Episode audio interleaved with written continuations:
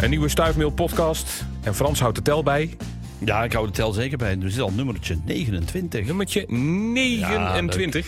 Leuk. En het wordt eh, deze keer een muzikale versie, zullen we Ja. maar zeggen. Want er wordt ontzettend veel gezongen en gefloten om ons heen. Want Ja. daar is het ook de tijd voor natuurlijk, hè, weer of geen weer. Precies. Want eh, eh, er wordt inderdaad heel veel gefloten en gezongen door de vogeltjes.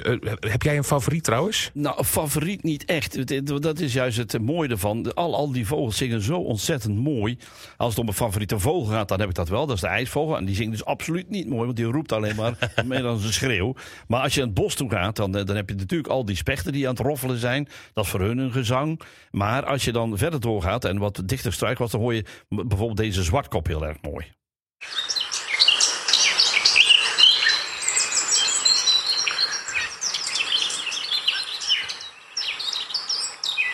Ik zie hem op het eh, plaatje ook zitten. Ja. En dan is hij is gewoon aan het werk, hè? En ondertussen fluit hij gewoon. Ja, maar dat is het punt. Hè. Dat, dat, dat- wat ze aan het doen zijn, al die vogels. Hè. En er zit in het bos nog een tuinfluiter en een braamsluiper. En nog veel meer dat soort mooie vogels zitten in het bos. Ja. Dus het is nu heerlijk om in het bos te gaan luisteren. Maar wat ze eigenlijk aan het doen zijn, is het territorium aan het bepalen. Hè. Dus ze hebben zangposten. Ja. En die zangposten die zingen ze dan. En ze proberen dan aan te geven tegen hun concurrenten. Joh, blijf nou weg, want dit is mijn gebiedje. Hier zit ik samen met mijn vrouwtje. Gaan we daar lekker eitjes leggen. En uit die eitjes komen weer kleintjes. En dan is dus inderdaad na de lente, soms een beetje nog in de, in de, de voorzomer, Ja. dat soort zanggeluid te horen. Maar dan houdt het op een gegeven moment helemaal op. Dus dit- en dan zingen alleen nog maar een paar vogels, zoals de roodborst en, en, en de winterkoning. Maar de rest gaat allemaal zo langzamerhand eh, stoppen. Want dan moeten ze gaan zorgen voor voldoende voedsel binnen te halen om te gaan trekken naar verre landen. En die zwartkop die vertrekt hier op een gegeven moment samen met zijn vrouw. En dan eh, zijn ze dus verdwenen. En dan hoor je ze ook nauwelijks nog zingen. Er zijn een paar die blijven dan zingen. Uh, Chifchaf zul je wat langer horen. Fietsen zul je wat langer horen. Maar in het bos is nu een kakofonie aan geluiden. En dat is zo mooi. Maar je moet er wel 's morgens vroeg bij zijn. Want mensen zeggen wel eens tegen mij... ja, dan kom ik om een uur of elf het bos in... en dan hoor ik niet zoveel. Mensen zeggen, nee, dat klopt ook wel een beetje. Want ze zingen 's morgens vooral om territorium aan te geven. Dan is er een tijd van ja, broeden en eten. Want die moet ook broeden en eten. Ja. En na broeden en eten gaan ze wel weer een keer op zo'n zangpostje zitten. Maar dat doen ze dan al wat minder. En in de avond doen ze er weer wat meer. Dus zijn eigenlijk twee hoogtepunten. is vooral 's morgens vroeg en s'avonds wat later. En tussendoor ook wel een beetje. Maar ja, die beestjes moeten ook eten en die moeten ook broeden. Dus dan inderdaad, dan hebben ze weinig kans om te gaan zingen. Dus dat doen ze dan niet. En als je dan op de hei bent, ja, is een van de mooiere vogels die daar aan het zingen is. Dus voor mij ook nog, eh, doet me altijd denken aan mijn opa. Want die nam me vroeger altijd mee het veld in. En dan zei hij tegen mij, kom manneke, we gaan naar de veldleeuwerik luisteren. En dat is wel zo'n mooi geluid.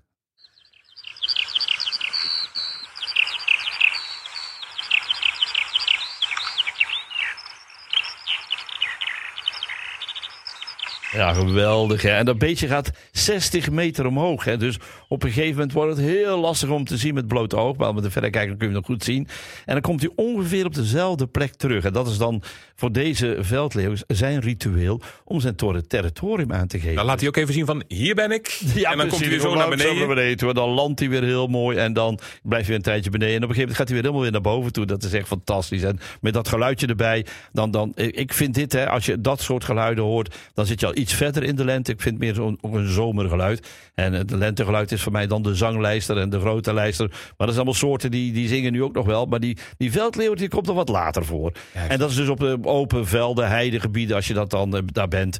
Ja, dat is heel mooi om dat eh, mee te maken. En eh, ja, geniet ervan zou ik zeggen. Ga naar buiten toe en geniet van al die prachtige vogelgeluiden. Ja, er zijn er genoeg te horen. Eh, de specht die doet dat dus niet. En dat heeft er, maar ik let op Frans, dan zie je me weer. Ik onthoud wel dingen, maar dat heeft ermee te maken. De specht is er langer Ja, en was nog niet zo ontwikkeld. Juist. Dus daarom heeft hij niet leren zingen. Dat Ja, hebben vogels die later kwa- kwamen dus wel. Dus daarom zingt de ene vogel wel en de andere niet. ja, ja die, die, die- kijk, die vogels die zijn eerder geboren inderdaad. En die hebben dus geen zangstem meegekregen. Dus ja, die moeten iets anders verzinnen om...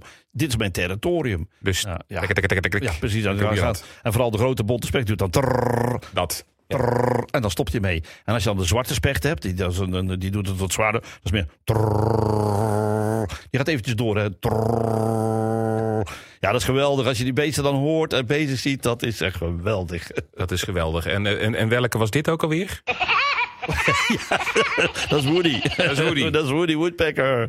Ja, dat lijkt een beetje op, op onze ja, bekende zeg maar, eh, eh, groene, groene specht en zwarte specht. Want die lachen ook allebei. Die lachen ook allebei tot hij zelf dus een rode kuif heeft. Ja, hè? Maar goed, precies. Ja, dus ja. dat is, eh, ja, maar- de zwarte specht heeft op zijn, op zijn hoofd, de Ook heeft ook een klein rood kapje zitten. Een rood kapje. Ja, een rood kapje. Ja, een Ja. rood kapje. Niet dat meisje, roodborst. maar, Nee, ja. exact, exact, exact. Eh, we gaan maar eens even wat lugubers bij de hand pakken. Ja, want je ja. kunt ook, eh, ook eh, niet alleen zangvogels tegenkomen in de natuur... maar ook eh, skeletten. Ook skeletten, hè? En Jeroen Vrieselaar met zijn zoon eh, Boas van, van vijf jaar. Die waren in de Oostwijkse bos aan het wandelen. En die vonden dus twee, twee stukjes van een skelet. En eh, misschien eventjes tussendoor. Het is wel fijn voortaan als mensen een skelet opsturen. Of een stukjes ervan opsturen. Eh, want het skelet van een muis kan bijvoorbeeld kun je ook opsturen. Want kun je, als je het helemaal aan elkaar hebt geknoopt, dan kun je dat mooi opsturen. Maar het is fijn als ze een lineaal erbij leggen. Of eh, een muntstukje. Of Oh, een foto ervan bedoel je? Ja, op, sorry, Ja, op pas foto. op, hè, want dadelijk, ja, Frans, dadelijk krijg ik... Dan sturen ze wel wat skeletten op. Kom ik hier en dan is alles hier afgezet met linten en mannen met witte pakken. En dan heeft iemand een skelet opgestuurd. Nee, Ja, foto's ervan bedoelt Op Frans. foto's van skeletten, Juist, ja. ja, ja. Als je daar dan zo'n liniaal bij legt of een muntstukje of eh, je smartphone, dan moet- dat kan ook nog wel, want die zijn ook best, best wel eh, afmetingen van bekend. Want dat is voor mij makkelijker om te zien, hè, want er was in eerste instantie ook, ik zag wel bij dat skelet van Jeroen dat het om een vogel ging, want eh, het eerste foto die hij stuurt had, dat is dan zo'n eh, de onderdeel van het skelet waar de, eh, de, de vleugels aan hangen, dus de vleugelspieren eigenlijk aan hangen. Dan kun je dus ook heel mooi zien dat zo'n soort borstbeen is waar het aan hangt. En het laatste, de laatste foto die hij gestuurd had was over een stukje van de ribbenkast. Maar er is dus zeg maar heel veel van afgebroken. Het kan ook zijn dat er heel veel opgegeten is. Want er zijn heel veel dieren die eh, pakken dus zeg maar eh, skeletten aan. Omdat er heel veel kalk in zit. Dus mensen vragen mij, als, ja, waarom zien we niet zoveel skeletten? Want eh, soms zijn ze wat in de ondergrond verdwenen. En dan blijven ze wat langer gaaf. Maar als ze bovenop liggen, dan worden ze allemaal opgegeten door allerlei beesten. En mensen vragen ook altijd naar geweien. Van, heb je geen gewei van een reebok voor mij? Nee, dat valt dus best wel tegen. Want na verloop van tijd worden die allemaal opgegeten. Want kalk is wel heel belangrijk voor een heleboel dieren. Maar dankzij Jeroen eh, ga ik de volgende keer heel diep in op skeletten. Skeletten. Wat er nog meer te vertellen is over skeletten. Want er is een boel te vertellen over skeletten. Ongetwijfeld, ongetwijfeld. Ehm nou weet ik dat ik, eh, god, hoe lang is dat inmiddels geleden? Dat kan goed, eh, wel al, god, kan goed 40 jaar geleden zijn. Dat ik ooit een keer op vakantie in Italië was met de familie. Ja. En toen heb ik de salamander leren kennen, want die liepen daar heel veel rond. En Ja. ik moet zeggen, ik heb er sindsdien, heb ik er wel wat mee. Ik vind het op de een of andere manier hele, hele sympathieke diertjes. Sympathiek en ook een beetje, ja, zeg maar, eh, wat, wat, wat in, in de afgodenwereld komen ze ook vaker voor. Ja. En dat heeft ermee te maken dat, zeg maar, eh, eh, eh, salamander is eigenlijk ontstaan uit het, eh, het Perzische woorden eh, Sam en Adarun. En Sam en Adarun, dat betekent vuur van binnen. Vuur van dus binnen. vandaar dat je ook heel vaak ook salamanders ziet afgebeeld in ja, Egyptische zeg maar, eh, hieroglyphen, en noem maar op. Ja. Eh, vind je dus af en toe van dat soort eh, zeg maar af, afbeeldingen. En dan heeft dat met vuur te maken. Maar vuur in het eh, goede zin van het woord. Hè. Vuur was heel belangrijk, want daarmee konden mensen zich warm houden enzovoort. Dus er waren salamanders die waren daardoor gekend.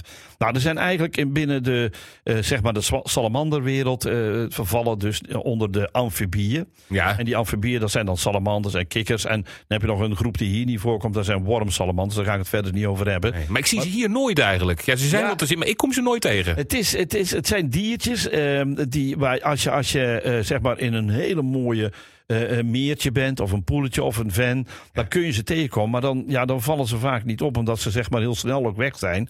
Maar op het moment dat ze dus trillingen voelen, en hetzelfde met kikkers, als jij naar een kant toe loopt waar een heleboel kikkers hebben zitten kwaken, je loopt daar stevig naartoe, Ja, dan dus is zijn ze weg. allemaal verdwenen. Nou, die zie ik nog wel eens. ja, dat komt omdat er meer massaal zijn. Dus die zijn er met grotere aantallen aanwezig dan salamanders. Eh, salamanders denkt ook iedereen dat die altijd in het water blijven. Dat is ook dus niet zo. Denk maar eens aan de, aan de eh, zeg maar Alpenwatersalamander, waar ik het in stuiving over heb gehad. Dat beestje leeft grotendeels van zijn tijd op, op het land. En dan heeft hij een zwarte vorm. Ja, dan valt hij dus ook niet zo erg op. hè. Zo'n kikker groen of een beetje bruin, die vallen wel op. Maar een heel donker zwart beestje, ja, dat valt niet op. En je moet in vochtige omgevingen zijn. Dus eh, zeg maar, als, als je een natte tuin hebt of zo, of eh, je hebt een vochtige zeg maar, omgeving, hè, dus eh, kleigebieden of leemgebieden, of waar heel veel water is. Hè. Nou, als je in Os gaat kijken, dan richting de rivieren toe en je gaat de Richting de Maas gaan, ja, dan, eh, precies, Megen bijvoorbeeld, daar, daar, daar heb je dus heel natte plekken. Ja, daar komen ze natuurlijk massaal Daar voor. komen ze veel meer voor. Ja, en maar ook in Os, zeg maar, in de, in de mooiere eh, zeg maar, eh, omgeving, bijvoorbeeld bij het IVN-lokaal daar. Ja. Dat heb je ze ook al gezien. En daar heb je ook een hele grote vijver. En daar zitten ze ook. Dus Je in die- kunt ze wel je tegenkomen, maar... kunt ze tegenkomen, maar ze hebben altijd vocht nodig. Ja. Eh, en dat komt omdat een grote deel van die salamanders die ademen ook door hun huid. En dan moet die huid ook nat blijven. Dus net als wat ik met kikkers verteld heb. Kikkers ademen ook door hun huid. Dus ook alweer een tip voor eh, zeg maar, mensen. Als je salamander een keer wilt bekijken, pak hem dan niet met je hand op, maar pak hem dan met een netje op. En dat je hem dan in een waterbakje zet, want dan heb je zijn huid niet aangeraakt. Nee. En die kun je dus, zeg maar, Je kunt beschadigen. Ja, ja, ja. en dan wordt de ademhaling ook misschien een stukje lastiger. Ja, maar als je hem nou met een netje pakt, dan wordt hij ook niet blij van, denk ik toch? Nee, daar word je niet blij van. Maar goed, af en toe moet je dus onderzoek doen. En wil je eens een keer kijken. En voor kinderen is het leuk om een keer een salamander te laten zien. Het beestje is wel heel even gestrest. Dat klopt ook wel. Je moet het ook niet te lang doen. Anders maak er een Maar- foto van. Dat ja, je- precies. Een foto van maken en dan weer gauw terugzetten. Dat is ook altijd heel goed. Dat, dat, dat kan ook. Het is anders dan met hagedissen. Mensen gooien het of vaak door elkaar. Hagedissen. Hagedissen zijn reptielen. Ja, Salamanders eh, zijn er bij de amfibieën. Dus daar hoor je al een beetje het verschil. Amfibieën betekent water en land. En reptielen is gewoon altijd land. Dat zijn, die hebben ook harde schubben. En de mooie voorbeelden zijn dus een levendbare hagedis... die heel veel lijkt op, eh, op eh, de salamanders. ja. Tot slot, als je een salamander bij zijn staart pakt... wacht niet tot je hem loslaat, want dat doet hij dus niet. Dat is weer bij reptielen. Ja. Als je een reptiel vastpakt, zo'n levendbare hagedis... dan laat hij zijn staart los en dan tjoept hij er tussenuit. Maar dat doen salamanders dus niet. Dus hou ze niet aan de staart vast, want dat heeft geen enkele zin. Nee. Want dat trucje doen die, klein, die salamanders niet. We kennen er eh, vijf in eh, Nederland. Eh, tot slot, dat is de, zeg maar de kleine watersalamander, de alpenwatersalamander, de kamsalamander en de vinpootsalamander. En nummertje vijf is een landsalamander. Maar die komt hier niet voor, die komt in Limburg voor en die heet vuursalamander. De vuursalamander, ja. En dat ik hem symp- sympathie... Is dat mijn onnozelheid? Of is dat gewoon... eh, Nee, ik vind hem ook, ik vind ze ook veel sympathieker als bijvoorbeeld de hagedissen. Ja, die, ja, ja. Ja, die zijn, maar dat heeft ook met snelheid te maken. Het heeft met de vormgeving te maken. Eh, die, die lijken ook veel meer op een slang. En een slang is ook niet altijd een lievelingetje van heel veel mensen. Nee, hè? Nee. En Terwijl die, die, die salamanders hebben een beetje een plomper kopje. Eh, die zwemmen wat. eh, eh, ja, wat, wat hagedissen kunnen wel zwemmen, komen bij nooit in het water. Nou, het, het is toch een ander, ander, ander beeld. Ja, ja. Ja, We hebben in het artikeltje, de link daar naartoe staat in de omschrijving van deze podcast, een mooie foto van de salamander die onder een kliko is gevonden deze Ja, keer. Precies. Dan nog één onderwerpje wat we nog Ja. even bij de kop wilden pakken, Ja, namelijk precies. De, draken, de draken vliegen. de drakenvliegen. Ja, oftewel de libellen. De libellen. Ja, dat is inderdaad. Want in Engeland heette die dragonflies, ja, hè. ja. ja, drakenvliegen. Ja, kijk, dat is zo omdat het van die hele snelle beesten zijn. Want ze zijn vliegend vlug. Ja. Ze zien ook heel erg goed. Ook dat komt er een keer voor. En dan hebben de mensen altijd zoiets van... Ja, dat vinden ze toch maar een beetje eng. Vandaar ook die namen die erop zijn gekomen als dr- dragonflies. Je hebt in Nederland ook een aantal namen die heten... Paardenbijters. Nou, net of zo'n beest ooit een paard bijt. Want dan moet hij dan met een paard. Ja, Een weet ik veel. Een kleine libel. Daar heeft hij niks aan om dat te doen. Eh, wat Maar waarom wel- heet hij dan zo? Eh, nou ja, omdat men vroeger dacht, want die, die vlogen heel dicht bij de paarden. En de paarden waren juist blij, want ze fraten al die insecten op die de paarden, voor de paarden lastig waren. Juist, juist, maar de juist. mensen dachten, omdat ze zo dicht bij die paarden waren, dat paardenbijters waren. Maar dat was het dus niet. Eh, die paarden hadden de mensen eigenlijk moeten vertellen, joh, hou op met dat eh, gedoe, want eh, we hebben ze graag rondom ons vliegen. Want we hebben minder last van dazen bijvoorbeeld. Eh, en dan wat ook een hele mooie zijn, is de glazenmakers. Dat is wel heel erg fraai. Ehm, eh, dat komt omdat eh, voorheen, en dan praten we over een hele tijd terug. eh, vroeger, eh, voorheen had men ook op een gegeven moment toen glas uitgevonden was om als raam te dienen. Hmm. Dat werd toen vervoerd door mensen zelf. En die hadden dan een soort bouwsel achter op hun rug gehangen. eh, waarop zeg maar, dan dat glas hing. Maar je kunt je voorstellen, als daar zo'n zeg maar, houten arm uitsteekt, of twee armen uitsteken waar daar glas op hangt, dan zie je als mens in de verte wel die houten steksels zitten, maar niet eh, zeg maar, dat glas. Nee. Dus dan dacht je ook op een gegeven moment van... hé, hey, wie, wie is dat nou? Dan kwam je dichtbij en dan noem je dat de glazenmaker. En omdat libellen ook van die mooie vleugels hebben... die altijd als ze zitten mooi lang gerekt zijn. Hè? Want de grote libellen, als die zitten... dan hebben ze hun vleugels lang gerekt. Mhm. En de kleinere soorten, die hebben achter dus hun rug gevouwen. En daarom is de naam libel ook gekomen bij deze dieren. Want in feite is een libel afgeleid van het mooie Latijnse woord libellum. Libellum. libellum, dat betekent boekje. Dus het Oh. open en gesloten zijn van het boekje. Een boekje. Ja, een boekje, daar komt dat vandaan. De libelle is genoemd naar het boekje. Ik, Ja. echt, elke, ik leer die dingen. Het is mooi, hè? Ongelooflijk. Ja, dat maar leuk. kun je wel de verschillen zien, Christian. Want als je een libel ziet zitten en hij heeft dus zeg maar zijn vleugels gespreid zitten... dan weet je dus dat hij bij de echte libelle of bij de grotere libellen thuis hoort. Zie je een kleiner libelletje en die heeft de vleugels achter zich opgevouwen...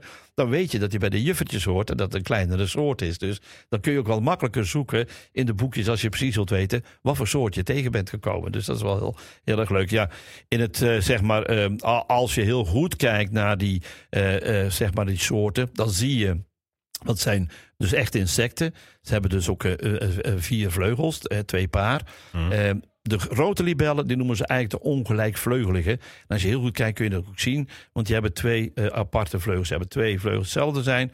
De volgende twee vleugels die zien er iets anders uit. Vandaar ongelijkvleugel. En die andere heten dan gelijkvleugelige. Dus dat is dan uh, ook nog een mooi verschil. Dat kun je ook goed zien als je in het veld bent. Nou, tot slot uh, is het leuk om te weten dat uh, de hele familie van de libellen heel actief zijn boven water, maar ook in tuinen. Want op een bepaald moment dan moeten ze eitjes leggen in het water. maar ze gaan dus ook heel veel op rooftocht. En ze kunnen het namelijk goed zien. Dus vliegen ze ook wel in tuinen rond om te kijken of daar niet een lekker mugje zit of een daasje of een vlinder. Want die pakken ze ook aan en dan gaan ze dus ermee vandoor. Als je echt in het veld bent, als je echt in een mooie heidegebied bent waar veel water is, dan zie je ook libellen. En wat je dan daar ziet, moet je gewoon op wachten. Af en toe komen dan boomvalken en die, die, die, die vangen die libellen in de lucht. En die, eh, die halen de vleugels weg in de lucht en ook alle scherpe kantjes vanaf. Gooien ze allemaal in de lucht, doen ze dat en dan eten ze de libel op.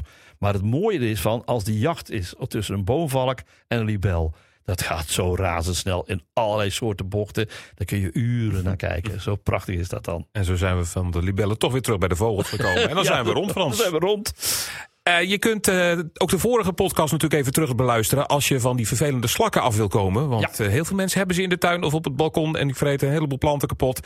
Luister dan eventjes de vorige, want een paar hele handzame tips... die staan daar samengevat. Dus beluister ook de vorige en alle andere kun je ook nog een keertje beluisteren... als je wil. En als je dan toch bezig bent, zoek dan ook even de potwalks met Frans Kapteins op. Wat staat er eentje online tot nu toe. Er komen er meer. En dan kun je met Frans in de oren... een wandelingetje door de Oosterwijkse bossen en vennen maken. Frans, dank en tot de volgende weer. Tot de volgende keer, Christian.